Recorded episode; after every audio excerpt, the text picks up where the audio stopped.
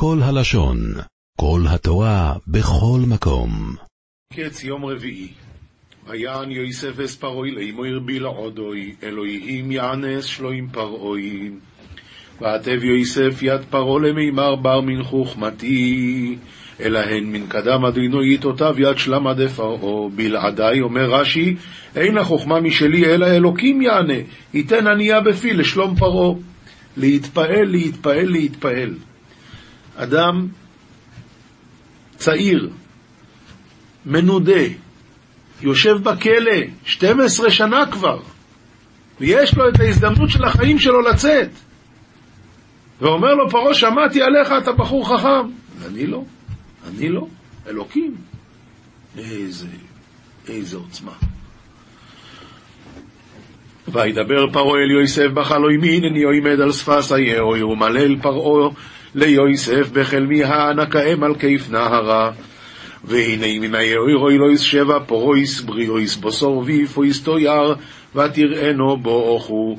והא מן נהרא סלקן שבע תורן פטימן בשר ושפירן למחזי ורעין באחוה. והנה שבע פרות אחרות עולות אחריהן דלות ורעות תואר מאוד ורקות בשר לא ירויס יכהנה בכל ארץ מצרים לא רויה והשווה תורן אחרניין סל כאן בטריון חסיכן ובישן למחזי לחדה וחסירן בשר לאחזי תקבתן בכל ערד דמצרים לבישו. דלות, אומר רש"י, כחושות, כמו מדוע אתה ככה דל דאמנון.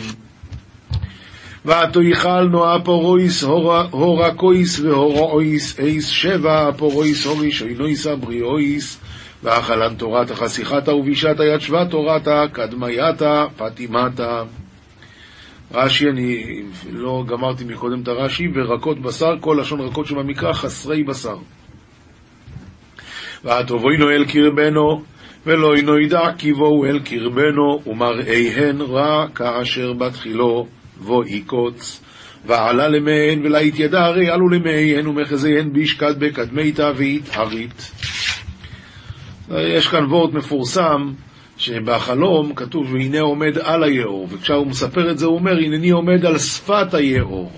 אז יש כאלה מלבישים את זה על הפסוק בתהילים, שכביכול יוסף אומר ככה, אה, עדות ביוסף שמו, בצאתו על ארץ מצרים, שפת, לא ידעתי אשמה, הרי הוא ידע כבר מה החלום, אבל שפת, זה לא ידעתי, פתאום אני שומע את זה ממנו.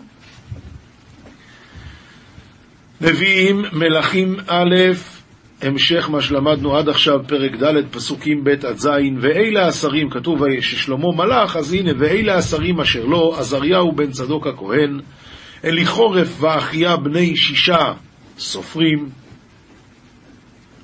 הם היו, כמו כותבים את מה שהוא מבקש, את ההיסטוריה, יהושפט בן אחילוד, המזכיר, ובניהו בן יהוידע על הצבא וצדוק ואביתר כהנים, ועזריהו בן נתן על הניצבים, וזבוד בן נתן כהן ראה המלך. הוא היה החבר של המלך. ואחישר על הבית, ואדונירם בן עבדה על המס. ולשלמה שני מעשר ניצבים על כל ישראל וכלכלו את המלך ואת ביתו חודש בשנה, יהיה על כל אחד לכלכל. אומר רש"י, וכלכלו את המלך, מה זה? הכוונה כל סעודתו וגם מאכל הסוסים ושאר צרכיו. הלאה, אנחנו עוברים לכתובים, משלי פרק ט', פסוקים י"ב עד י"ז. ממשיך שלמה המלך ואומר ככה, אם חכמת, חכמת לך, ולצת, לבדך תיסע. אם אדם זוכה, אם אדם זוכה ולמד תורה, אם חכמת, אז מה?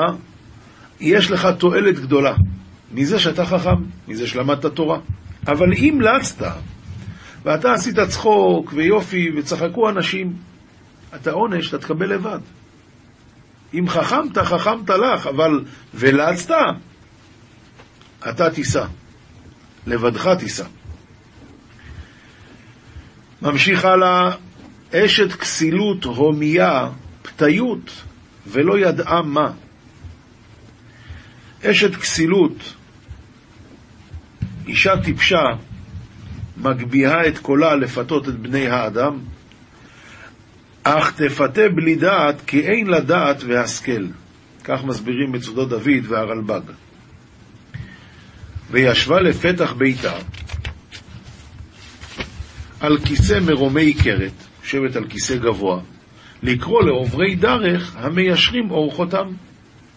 מי פתי יסור הנה, וחסר לב, ואמרה לו. מה היא תגיד לו? מי שטיפש יבוא אליה. נו, ואז מה היא תגיד לו? היא אומרת לו, מים גנובים ימתקו, ולחם סתרים ינעם. מסביר רש"י, אין טעם ביאת פנויה כטעם אשת איש.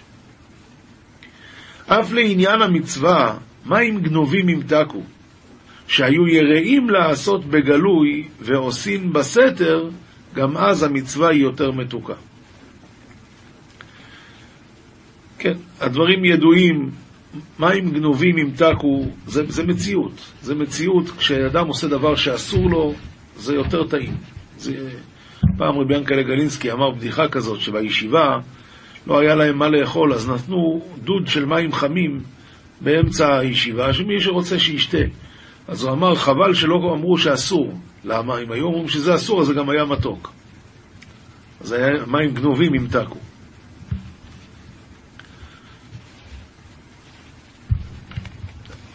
אז זה שלמה המלך אומר, מה, מה יש לה להציע לאותה אישה? רק זה שזה אסור, אז זה יותר מתוק.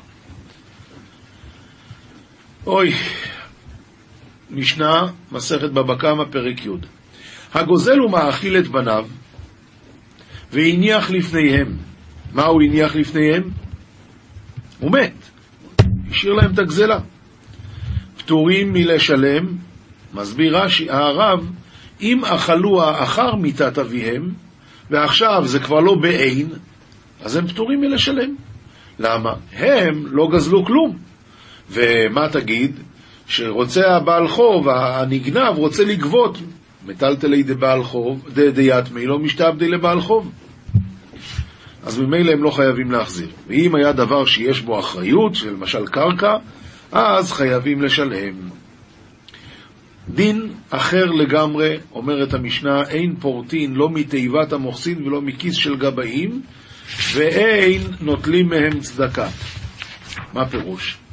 יש אדם שיש לו הרבה מטבעות קטנים, הוא היה רוצה לפרוט, או הפוך, יש לו מטבע גדול, הוא רוצה לפרוט את זה לפרוטות קטנות. מה הדין?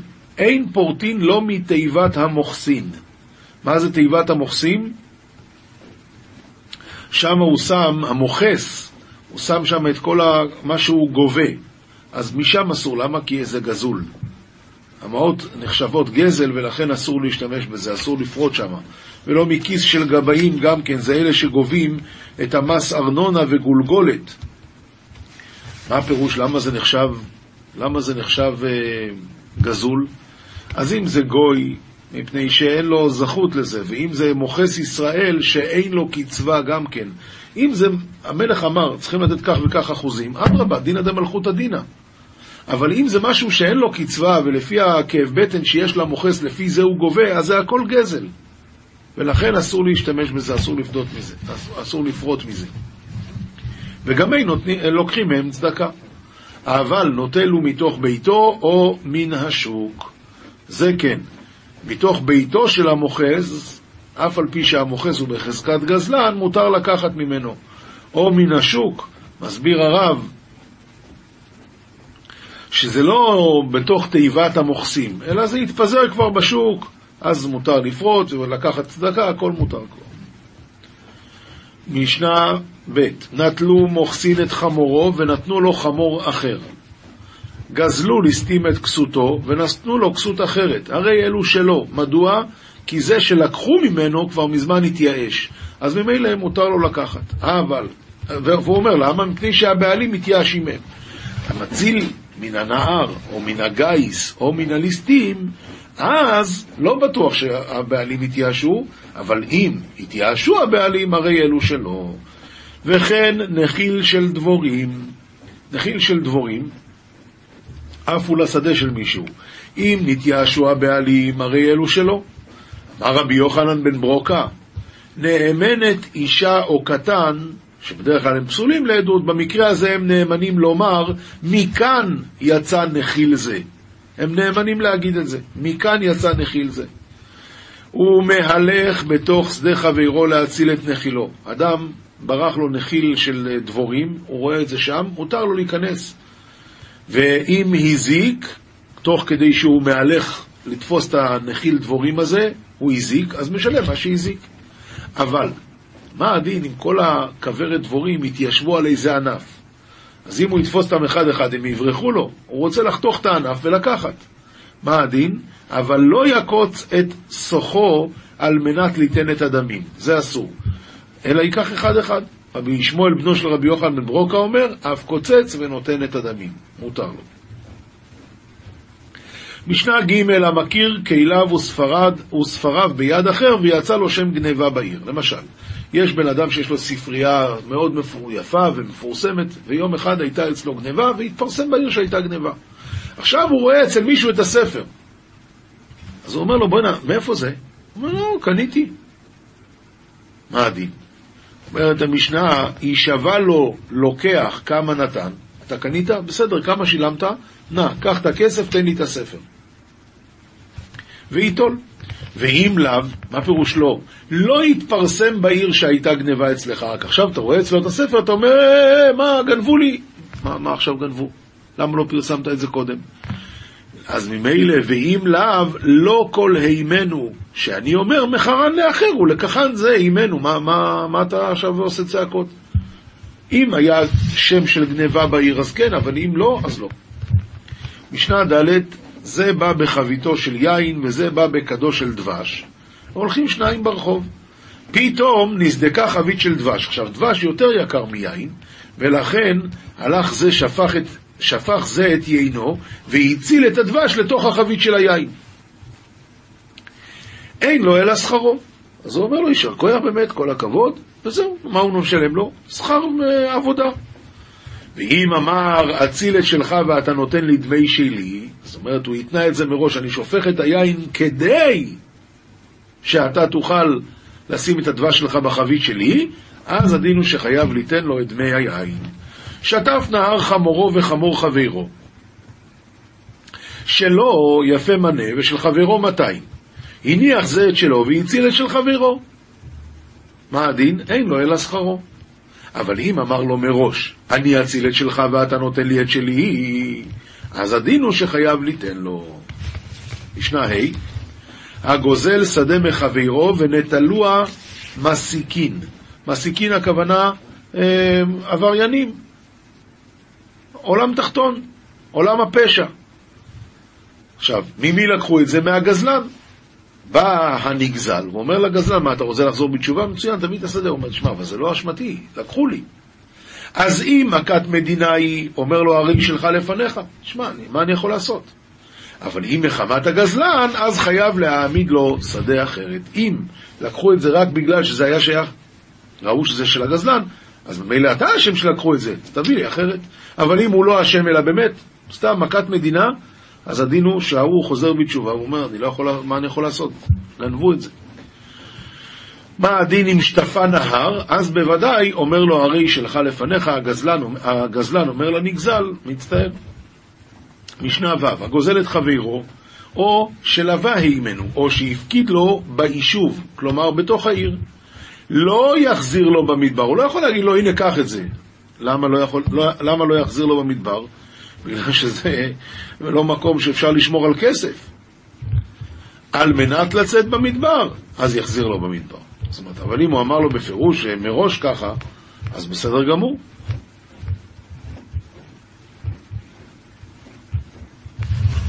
אם הוא אמר בפירוש, אני, לפני כן, אני עומד לצאת למדבר, אז הוא יכול להגיד לו, הנה הבאתי את זה, הנה תיקח את זה.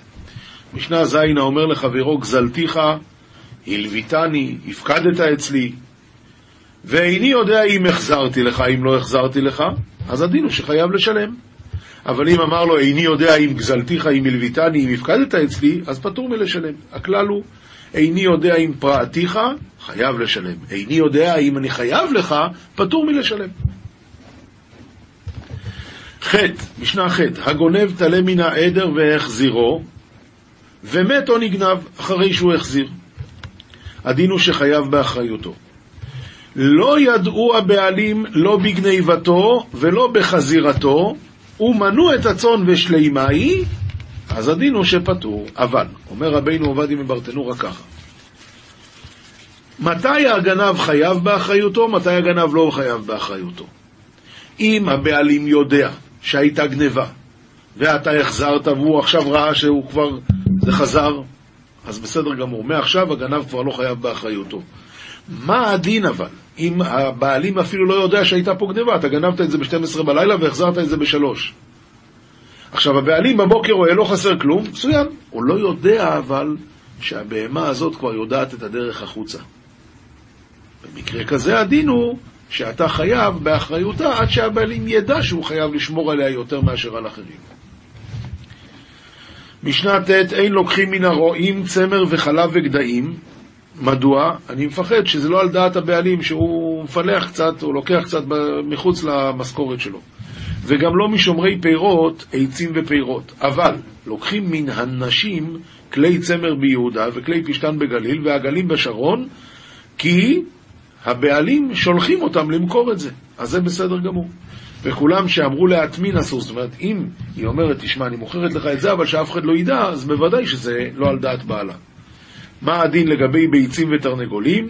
לוקחים ביצים ותרנגולים מכל מקום, לא דווקא ביהודה, לא דווקא בגליל, לא בכל מקום שאנשים מוכרים ביצים ותרנגולים מותר לקחת, כי בוודאי שלחו אותם למכור את זה וזה בסדר, רק דבר אחד, אם אומרים להטמין, אז אפילו על דבר כזה, בוודאי שזה לא בסדר ואסור לקנות. משנה י' מוכין שהכובס מוציא. מוכין שהכובס מוציא, הכוונה, הוא לוקח צמר, מכבס אותו, והשטיפה הזאת בסוף משאירה בגיגית איזה שערות של צמר. זה נקרא מוכין שהכובס מוציא, הרי אלו שלו. ושהסורק מוציא, הרי אלו של בעל הבית. למה? כי כשעושים כביסה זה יוצא רק קצת, על זה הבעל הבית מוותר. כשעושים סריקה זה יוצא הרבה, על זה הבעל הבית לא מוותר. הכובס נוטל שלושה חוטין והן שלו. הרב מסביר, דרך בגדי צמר להניח בסוף הריגתן ג' חוטין ממין אחר. והכובס נוטלן ומשווה הבגד ומייפהו. ככה זה היה המנהג שלהם. ואם חוטים שחורים הם, הרוגים בבגד לבן, רשאי הכובס ליטול הכל, לפי שהשחור בלבן מגנה אותה ביותר, אז בוודאי הוא יכול להוציא הכל, אפילו אם זה יותר משלוש חוטים. אז אם כן, הכובס נוטל שלושה חוטים והם שלו, יותר מכן, הרי אלו של בעל הבית, אם היה השחור על גבי הלבן, נוטל את הכל והן שלו. החייט, ששייר מן החוט כדי לתפור בו, ומטלית שהיא שלוש על שלוש, הרי אלו של בעל הבית. צריך להחזיר. מה שהחרש מוציא במעצד, הרי אלו שלו. החרש זה הנגר. יש לו מעצד שזה מחליק את העץ. אז מה שנופל זה שייך ל... ל... ל... לנגר. אבל אם זה בקשיל, אז זה של בעל הבית, כי יוצא חתיכות יותר גדולות. ואם היה עושה אצל בעל הבית, אז אף הנסורת של בעל הבית. גמרא מסכת בו בקמא דף קי"ט עמוד א', רב חיסדא הא וליהו אריסא דא ותקיל ויאיב תקיל ושקיל. מה הוא היה עושה? היה שוקל ולוקח, שוקל ונותן, הכל מדוקדק מדוקדק. אומר הרש"י, תקיל ושקיל לנפשי, מדקדק בחלוקה ואינו מוותר מחלקו כלום. לשון אחר, מחצה היה נוטל, ודרך שאר האריסים ליטול רק שליש. בכל אופן, רב חיסדא לא יכל לסבול את זה, סלקי. קרא נפשי וצפון לצדיק חיל חוטא. אז רב חיסדא קרא על עצמו שרב חיסדא הוא צדיק והאריס חוטא, ונצפן חילו לרב חיסדא דסילקי ונטל חלקו, הוא לקח את החלק שלו. ממשיכה הגמרא לבאר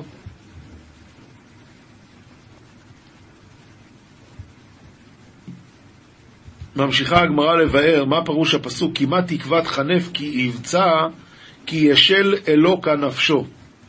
רב הונא ורב חיסדא חד אמר נפשו דנגזל אחד אמר נפשו, נפשו של גזלן. מי הקדוש ברוך הוא לוקח את נשמתו, את, הנפ... את הנגזל או את הגזלן? אז זה אומר, כי מה תקוות חנף כי יבצע כי ישל אלוקה נפשו. הקדוש ברוך הוא לוקח את נפשו של מי? של, הנגזל, של הגזלן. או של הנגזל. מאן דאמר נפשו של נגזל דכתיב כן אורחות כל בוצע בצע את נפש בעליו ייקח. שזה פשוט, אצל יהודי שאתה גונב, זה נקרא שאתה לוקח את הנפש שלו. מאן דאמר נפשו של גזלן, דכתיב אל תגזול דל כי דל הוא ואל תדכא אני בשער כי השם יריב ריבם וקבע את כובעיהם נפש. כלומר, השם ייקח ממנו את נפשו, ממי? מהגזלן. שואלת הגמרא, ואידך נמי הכתיב נפש בעליו ייקח, אז אם כן, רואים שהוא לוקח את נפש, את נפש הנגזל, עונה הגמרא, מהי בעליו? בעליו דהשתא, והכוונה לגזלן. ואידך נמי הכתיב וקבע את כובעיהם נפש, אז רואים שהכוונה לגזלן ולא לנגזל. מה הטעם כאמר? עונה הגמרא, הוא מסביר. מה הטעם וקבע את כובעיהם? משום דקבעי נפש. למה השם לוקח את הנפש של הגזלן? משום שהוא לקח את הנפש של הנגזל. עכשיו הגמרא מסבירה את העניין הזה. עומר רבי יוחנן, כל הגוזל את חברו שווה פרוטה, כאילו נוטל נשמתו ממנו. כאילו נוטל נשמתו ממנו. שנאמר, כן אורחות כל בוצע בצע את נפש בעליו ייקח. ואומר, ואכל קצירך ולחמך, יאכלו בניך ובנותיך. ואומר עוד פסוק, מחמס בני יהודה, אשר שפכו דם נקי בארצם. ואומר עוד פסוק, אל שאול ואל בייס אדומים, על אשר המית את הגבעונים. שואלת הגמרא, למה צריכים כל כך הרבה פסוקים? מהי ואומר? התשובה היא, וכי תימה נפש דידי, אבל נפש בניו ובנותיו לא. את נפשו הוא גזל, אבל לא את נפש בניו ובנותיו, תושמע בשר בניו ובנותיו, גם זה נקרא עליו. וכי תימא נעימי לאיכא דלא יאיב דמי, אבל איכא דייב דמי, לא, כלומר הוא לקח חפץ בלי לשלם, אבל אם הוא שילם אז זה בסדר? תושמע מחמס בני יהודה אשר שפכו דם נקי בארצם. וכי תימא הנעימי לאיכא דכעביד בידיים, אבל גרמה, לא. תושמע אל שאול ואל בייס אדומים אשר המית את הגבעונים. וכי היכן מצינו שהרג שאול את הגבעונים? אלא מתוך שהרג נוביר הכהנים שהיו מספקים להם מים ומזון, הגבעונים היו מספקים מים ומזון לעיר הזאת, עיר נוב, ועכשיו הוא הרג את הכהנים של עיר נוב, אז הוא לקח לגבעונים את הפרנסה. מעלה עליו הכתוב כאילו הרגן. אז בכל הגמרא הזאת רואים את הדבר הנוראי הזה של חומרה גדולה מאוד של גזל. חומרה גדולה מאוד. כאילו הרגת אותו, אותו ואת הילדים שלו, ולא רק אם לקחת בידיים, אפילו אם רק גרמת. דברים חמורים מאוד. השם כל כך לא אוהב שלוקחים כסף אחד של השני. ובדברים האלה, מוירה היתר. מורה היתר לעצמו. מה, שום דבר, מה זה, ככה זה הולך, זה ככה זה המסחר, ככה. מורה היתר, וצריכים להיזהר הרבה בזה. כי זה מעכב את התפילה ומעכב את התשובה. הרבה דברים חמורים מאוד. וכאן כתוב, זה ממש כאילו נוטל את נשמתו. זוהר, מקץ דף קצ"ט עמוד א', ויזכור יוסף את החלומות אשר חלם להם וגוימר. רבי חייא פתח ואמר, כתיב בנפול אויבך אל תשמחו וכושלו על יגל ליבך. תוך חזי קודשא בריחו עובד לי לבר נש דאיזקי לאיקרא דילי. בוא תראה, הקדוש ברוך הוא עשה את האדם כדי שיזכה לכבודו ולשמשה כמי תדירה, שיבוא, שיהיה שמש של השם, לשמש את השם, ולהשתדלה באורייתא יממה ולילי, ללמוד תורה יומם ולילה. בגין דקות שבריחו יתראי בה באורייתא תדיר, כי הקדוש ברוך הוא חפץ בתורה כל הזמן. היי וכיוון דברה קודשא בריחו לאדם, יאהב כמאורייתא ולפלי בא למינדה ארכה. שהשם ברא את האדם, הוא נתן לו את התורה, שילמד אורחות, ילמד את הדרכים של, של התורה. מנהלן דכתיב אז ראה ויספרה הכינה וגם חקרה. הקדוש ברוך הוא, בתורה הוא ברא את כל הבריאה, ולבתר, ויאמר לאדם אין יראת השם מחוכמה, וסור מרע בינה, כיוון דהסתכל בה ולא נתיר לה, עובר על פיקודי הדמרי ויתפס בחובי, וכיוון שאדם לא לומד את התורה ועובר על דברי התורה, נתפס ו... נתפס בחובו, נלכד בעוונו. וכל אינון דאבו על מילה חדא דאורייתא, יתפסו בה. וכל מי שעובר אפילו על דבר אחד של בתורה, נלכד. כמו שלמה המלך. שלוים מלכא דאיתחכם על כל בני עלמא. הוא היה הרי החכם מכל האדם. עבר על מילה חדא דאורייתא וגרם לליטאה במלכות מיני. מילה אחת הוא עבר. ולהתפל גם מלכות אימי בנוי. ולא רק לו, הוא עף מהמלוכה, בסוף הוא חזר, אבל גם בנו סבל, התפלגה המלוכה בימיו. מאן דעבר על אורייתא על אחת כמה וכמה. מי שעובר על כל התורה, בוודאי ובוודאי שיסבול סבל גדול. ויוסף דאה ויודע אורייתא ואחוי נפלו בידי, עמי גלגל עלי וכל גלגול אדם. שואל הזוהר, למה יוסף עשה את כל הצער הזה לאחים שלו? הוא הרי ידע את התורה. עכשיו הם נפלו בידיים שלו, אז למה הוא גלגל עליהם כזה צער גדול? והאי הוא יודע אורייתא דאו לפני אבוי. הוא הרי למד את התורה מאבא שלו. אלא חס ושלום בני יוסף גלגל עליי וגלגולין לנקמה מיני. הוא אומר הזוהר, שלא תחשוב שהוא עשה את זה כדי להתנקם מהם. אלא, כל דא לה עבד אלא להייתה לאחו הבניומין לגבי דתי ובתיה ולגבי... הוא פשוט רצה שיביאו את בניומין. ולמה? למה? כי היה משתוקק לראות אותו. וגם זה בשביל מה? כדי שהם יתכפרו בזה שהם ימסרו את נפשם על בניומין, יהיה להם כפורש שהם לא מסרו את נפשם בשביל יוסף. ואיהו לא שבק לאחוי למנפל, והוא לא עזב את אחיו לנפול. דכתיב ויצו יוסף, וימלאו את כליהם בר וגומר, וכולא דא בגין דלא ינפלון. וכל זה בשביל שהם לא יפלו. תו, פתח ודרש קרא בתריה, עוד אמר אותו יהודי שהזוהר מביא פה, עוד פסוק, איש אמונות רב ברכות, רב ברכות, דא הוא בר נש דמהימנותא דקודשא בריך הוא ביה. זה הבן אדם ש...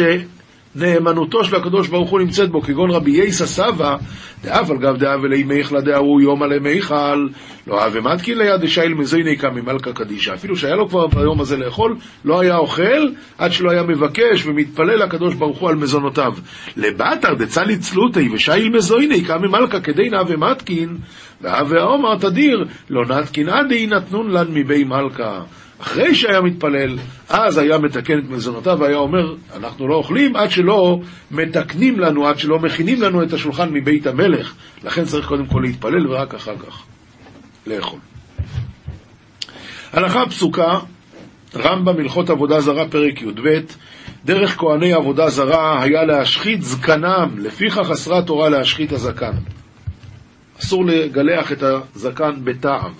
וחמש פאות יש בו לחי עליון, כאן באזור הזה, ולחי תחתון באזור הזה, מימין וכן משמאל, ושיבולת הזקן, ולוקה על כל פאה ופאה. כל פאה ופאה זה לאו בפני עצמו, ואם נטלן כולן כאחת, לוקה חמש. ואינו חייב עד שיגלחנו בתער, שנאמר ולא תשחית את פאת זקניך, גילוח שיש בו השחתה. לפיכך, אם גילח זקנו במספריים, פטור, זה מחלוקס ראשונים למעשה. ואין המתגלח לוקה עד שיסייע, ואישה מותרת להשחית זקנה אם יש לה שיער בזקן, ואם השחית הזקן האיש, פטורה. הלכה ב' השפם, השפה, מותר לגלחו בתער, והוא השיער שעל גב השפה העליונה, זה השפם, וכן השיער המדולדל מן השפה התחתונה, ואף על פי שהוא מותר, לא נהגו ישראל להשחיתו, אלא יגלח קצתו עד שלא יעכב אכילה ושתייה. הלכה ג' העברת השיער משאר הגוף, כגון בית השחי ובית הערווה, אינו אסור מן התורה, אלא מדברי סופרים, והמעבירו מקין אותו מכת מרדות, כלומר 39 מלקות מדרבנן. במה דבורים, זה כואב כמו דאורייתא. במה דבורים אמורים במקום שאין מעבירים אותו אל הנשים, כדי שלא יתקן עצמו תיקון נשים. אבל במקום שמעבירים השיער הנשים והנשים, זאת אומרת גם גברים רגילים ככה, אז אם העביר אין מקין אותו, ומותר להעביר שיער של שאר איברים במספריים בכל מקום, רוצה לגלח פה, לבריאות תגלח. עכשיו אה, מוסר, ספר חרדים, דף ס"ח עמוד ב', כתיב: שיוויתי השם לנגדי תמיד, יען היות לעולם חיות וקיום מהשקפת השם יתברך עליהם, שאם רגע אחד יפסיק, יאבדו, והיו כלא היו. הייתכן למקבל החיות שיתעלם מלהשקיף מלדרוש את השם? איך ייתכן דבר כזה? זה הרי נגד השכל. וזהו השם משמיים משקיף על בני אדם לראות היש משכיל. והלבנה שהיא כשהיא נגד השמש תקבל האור. כן ראוי לאדם. ועל זה נאמר באור פני מלך חיים, ולכן צריך שרגע לא יסיר עיני שכלו מלפניו, אז יאר לו פנים, דכתיב, יאר השם פניו אליך. אורו יתברך מלא עולם, הוא המחיה את כולם כל רגע ורגע, ואם אינו נראה, בוש מפניו ושתוק בשחות עיניים וכובד ראש. ודע, כי באהבך השם, יתבר... השם הנכבד ועמו, כאשר יאהב איש את בנו, תהיה מרכבה לחסד הנקראת אהבת חסד נגד היוד. ושתהיה תמיד דן לכף זכות, תהיה מרכבה להי נגד הגבורה. שנרתק שלה הוא היכל הזכות. וכשתדבר לשון טוב והפך לשון הרע ותהיה עניו כהלל הזקן, תהיה מורכבה למידת התפארת, זה מקרי לשון הטוב, וכתיב האיש משה עניו מאוד נגד אביו, וכשתהיה בכובד ראש ירא וזוחל תמיד מאור נוצץ מלא עולם, ותדבר תמיד לבריות בנחת ופיוס, תהיה מרכבה למידת המלכות הנקראת יראת השם, זה ההי האחרונה שבשם, ונקראת עת רצון דנעוץ סופן בתחילתן, והרי זכית לדבק ביוצרך בעשר ספירותיו, ותקרא קדוש לקיים הכתוב קדושים תהיו. אז זה דברים שאנחנו פחות מבינים, העיקר אבל מה שכן אנחנו מבינים, אומר לך, כל מה שאדם חי זה הכל בא מהשם, אז איך אתה רוצה להסתיר את זה? איך אתה רוצה לא להתעלם ממנו? כמו הלבנה, ואין לה אור מהשמש, היא לא קיימת. אותו הדבר אנחנו, צריכים כל הזמן להיות במצב של קבלה מהשם, הכנעה לפני השם, כדי שבאמת ייתן לנו את החיות. אמן כן יהי רצון. עולם שלם של תוכן מחכה לך בכל הלשון, 03 617 1111